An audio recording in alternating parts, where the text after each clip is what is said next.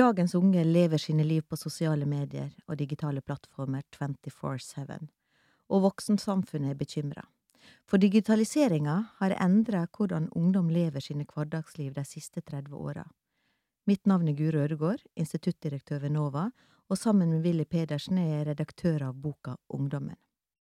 I dag har vi besøk av Anders Bakken, sosiolog, ungdomsforsker ved NOVA og leder av Ungdatasenteret. Velkommen hit, Anders. Tusen takk for det, Guro. Du, det er jo slik at vi er omtrent like gamle, og vi vokste opp den gangen da vi måtte ut av rommet vårt for å møte venner og for å skaffe oss nye venner. Vi hang på gatehjørnet, på snackbar, på klubben, jeg var mest på diskoteket. Og så er jo vi foreldre begge to, og vi opplever at det, ungene våre sitter veldig mye hjemme. De spiser taco på fredagskvelden, og er med venner på mobilen sin. De spiller mye, ikke akkurat brettspill, men med fysisk avstand fra hvert sitt rom online. Er det i det hele tatt noen ungdommer som henger ute for tiden? Ja, heldigvis så er det det. Det er litt karikert historie du forteller. For det er sånn at veldig mange ungdommer faktisk eh, gjør det. Men det er noe av de tingene vi i løpet av de siste 30 årene som vi har holdt på med ungdomsundersøkelser på NOVA, som vi har sett har forandret seg aller mest allikevel. Og det er for eksempel sånn på starten av 90-tallet så var det to av tre ungdommer som flere kvelder i uka hang ute sammen med venner. Nå er det nede i én av tre. Så altså, det er fortsatt en del ungdommer som gjør det. Men mens det var liksom det helt vanlige fenomenet, og det er jo det du beskrev først ikke sant? Det var helt sånn vanlig at det var, det, det var den måten man levde ungdomslivet sitt på. Så er det litt mer uvanlig. God del mer uvanlig i dag. Så det er en, en veldig stor forandring. Mm. Så ungdommene har blitt mye mer hjemmekjære, eh, mm. rett og slett. Eh, trukket hjem i mye større grad. Det, men du, du, husker sikkert som meg denne her grå fasttelefonen som eh, sto gjerne plassert i en sånn eh, lavtemperert gang og der foreldrene passa på at vi eh, ringte på tider hvor tellerskrittene gikk sakte. Nå er det ikke sikkert alle lytterne vet hva et tellerskritt er, men jeg går inn på det store norske eh, leksikon, så er det en ganske gøy beskrivelse av det. Eh, og det er kanskje litt sånn karikert, det også, denne her grå fasttelefonen, men den var jo der. Kan du huske kan du huske telefonnummeret hjem til dere på 90-tallet? Ja, det husker jeg veldig godt. Hva var det, da? 293140.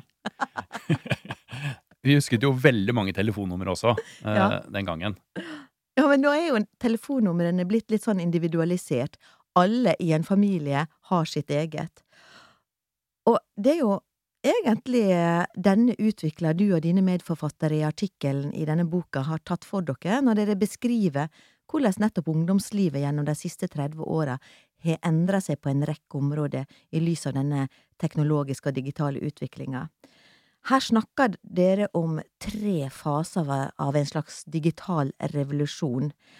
Eh, hvilke teknologiske markører gjennom disse tiårene har særlig hatt betydning for hverdagslivet til ungdommen?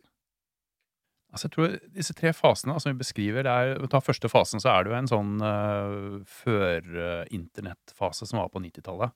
Altså På midten av 90-tallet så var det 1% av ungdommene som hadde vært på internett. Uh, mm.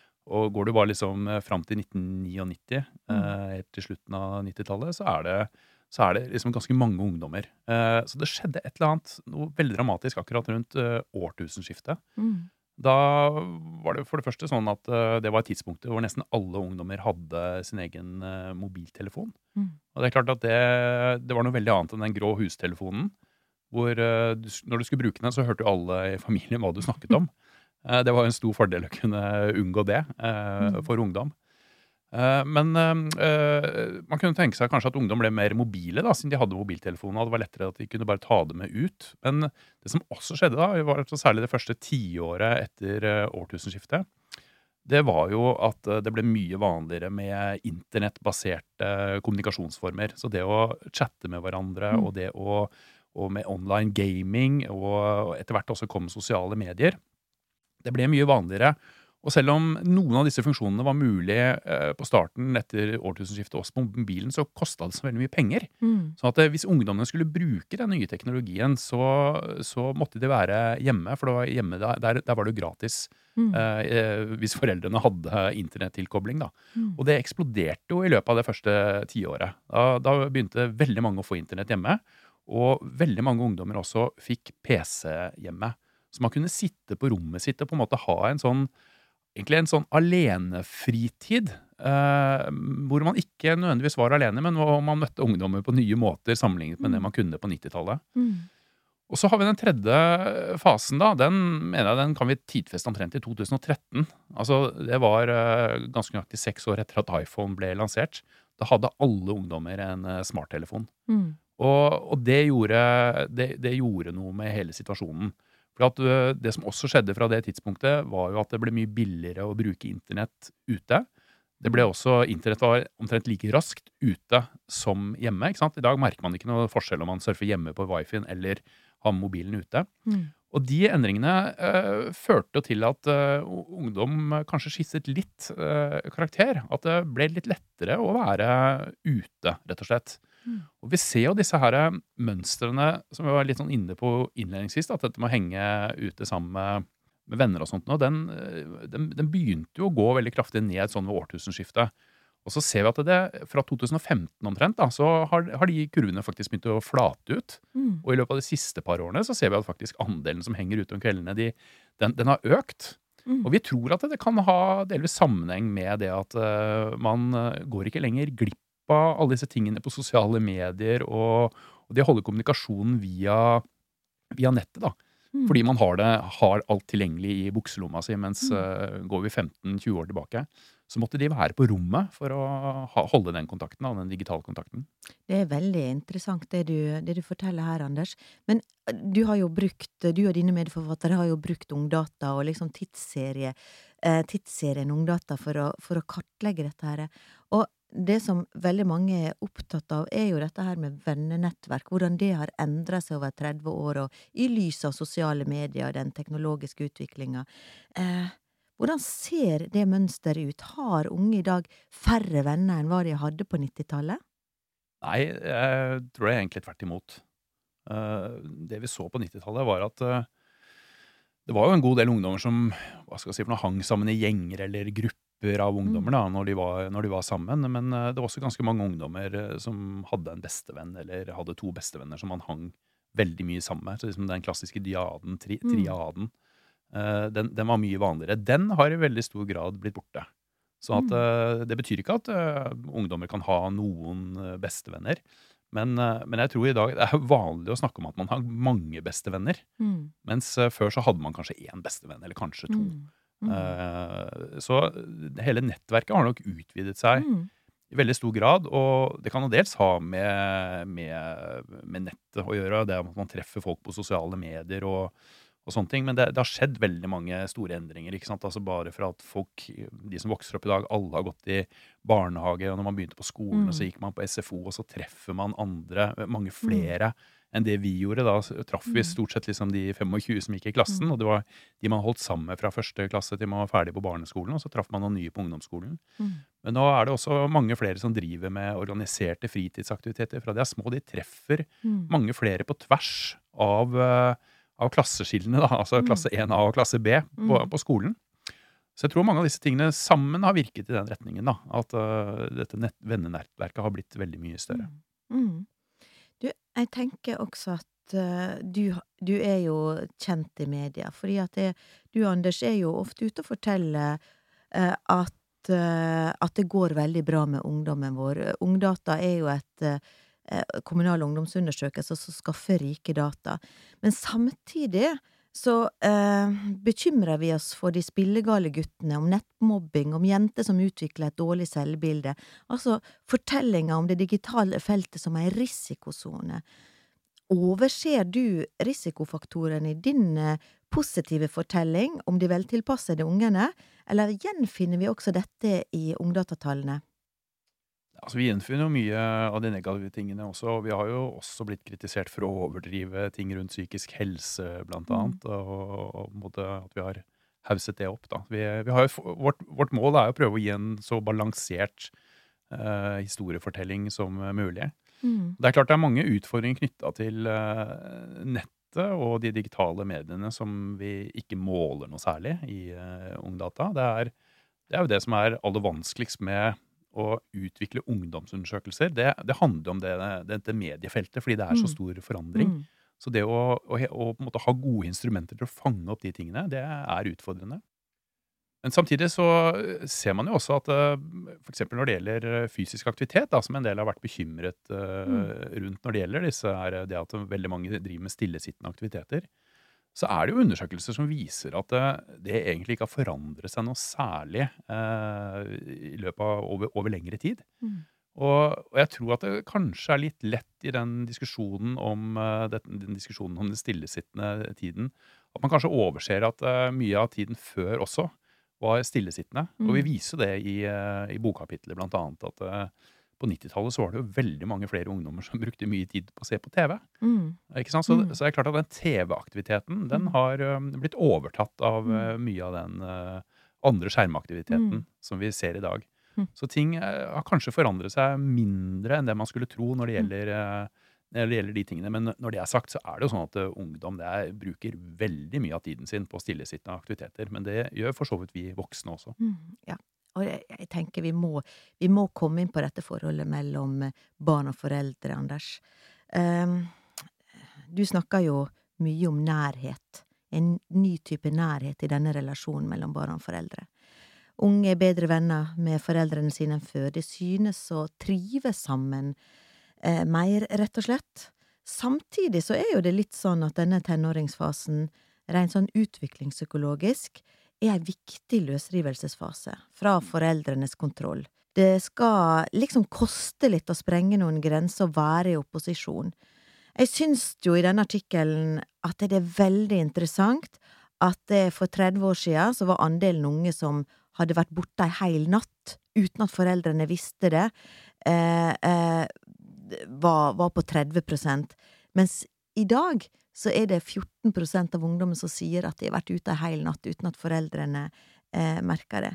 Hva gjør liksom denne relasjonen, denne nye nærheten med løsrivelsesfasen, når opprøret blekner og telefonen blir en trygghetsalarm, hvor foreldre og barn kan nå hverandre hele tiden? Altså, jeg tror at når vi startet med ungdomsforskning selv på, på slutten av 90-tallet og begynnelsen av 2000-tallet, så var det jo veldig mye sånn teorier rundt om at ungdom skulle være opprørske, og at det var på en måte det som var den veien til eh, løsrivelse, da. Men eh, mye av forskningen senere viser at det, liksom, det er veldig mange måter å løsrive seg på, eh, fra foreldrene på. Og, og, eller for å si det på en annen måte, det er veldig mange måter å oppnå en selvstendighet eh, på, da. Og, og det er jo ikke sånn at eh, selv om ungdom og foreldre har en nærere kontakt og kanskje er blitt mer venner enn det de var på kanskje særlig 70-80-tallet, hvor Mm. kanskje konfliktene var, eller generasjonsmotsetningene var enda større enn på 90-tallet. Mm. Tror ting begynte å endre seg allerede på 90-tallet. Så er det ikke sånn at man, eh, man, man er enig i absolutt alt, og at uh, ungdom tillater absolutt uh, all innsikt i hele deres fritidsaktiviteter fra foreldrene.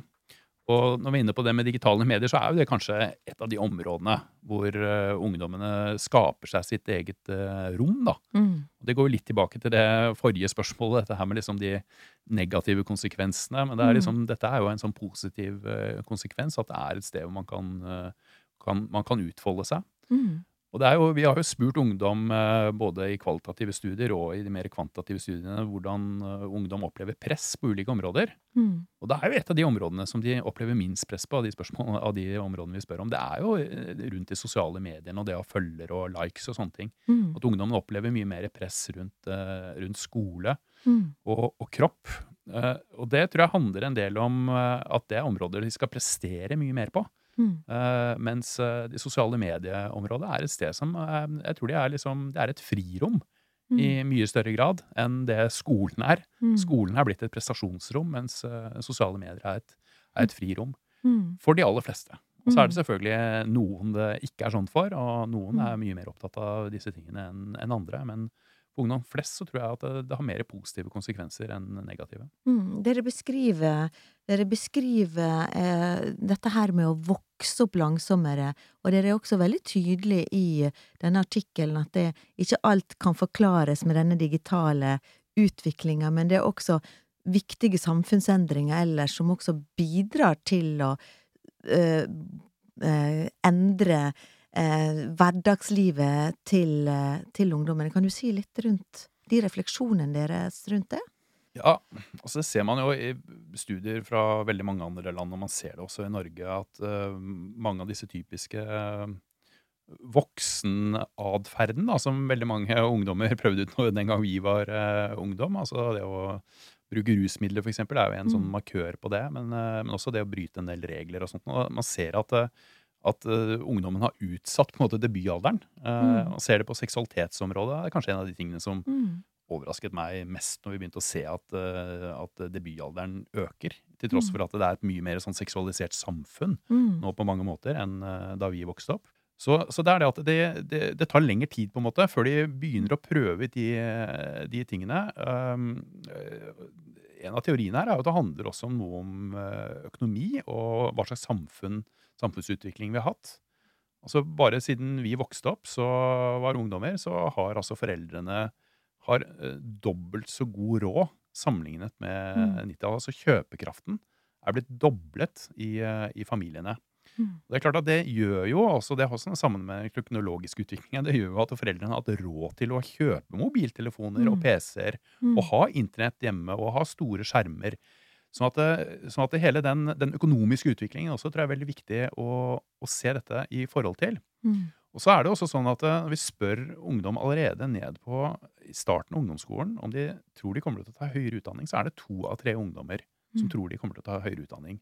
Det betyr jo altså at en 13-14-åring den kommer til å se, se, for seg at den skal være i skole- og utdanningssystemet i bortimot ti år til. Mm. Altså, en ting er tredjeklassingen som forestiller seg ti år i utdanningssystemet, mm. men, men, også 13-14-åringen ser for seg det. Mm. Og det er jo en helt annen situasjon enn en situasjon hvor man tenker at liksom, når man er 16-17-18 år, så skal man begynne, gå ut i arbeid. Mm. Eh, så det, det, skaper helt andre forutsetninger for den løsrivelsesprosessen. Mm hvor ungdommene da blir boende lenger hjemme, men er også avhengig av foreldrene rent økonomisk på andre måter enn tidligere. Rett og slett fordi foreldrene faktisk har råd til å kjøpe mye mer ting da, til mm. ungdommene sine enn det våre foreldre hadde. Så vi var jo litt mer tvunget til å gå ut i arbeid og gjøre på en måte de voksentingene. Så det, det, er veldig mange ting som henger sammen her. altså Både kulturelle endringer som handler om hva det betyr å være foreldre i dag. altså det er en helt annen måte å være foreldre i dag. Det er en mye mer barne- og ungdomssentrert foreldrerolle som vi ser i dag, enn, enn det vår foreldregenerasjon på en måte hadde som, som idealer. Så både økonomi og, og, kultur og teknologi da, vi er nødt til å, å, forstå hvordan disse tingene samvirker for å forstå utviklingen. Og ikke bare ta utgangspunkt i liksom at teknologien determinerer noe, men, mm. men det, det skjer i samspill med økonomiske og kulturelle forandringer.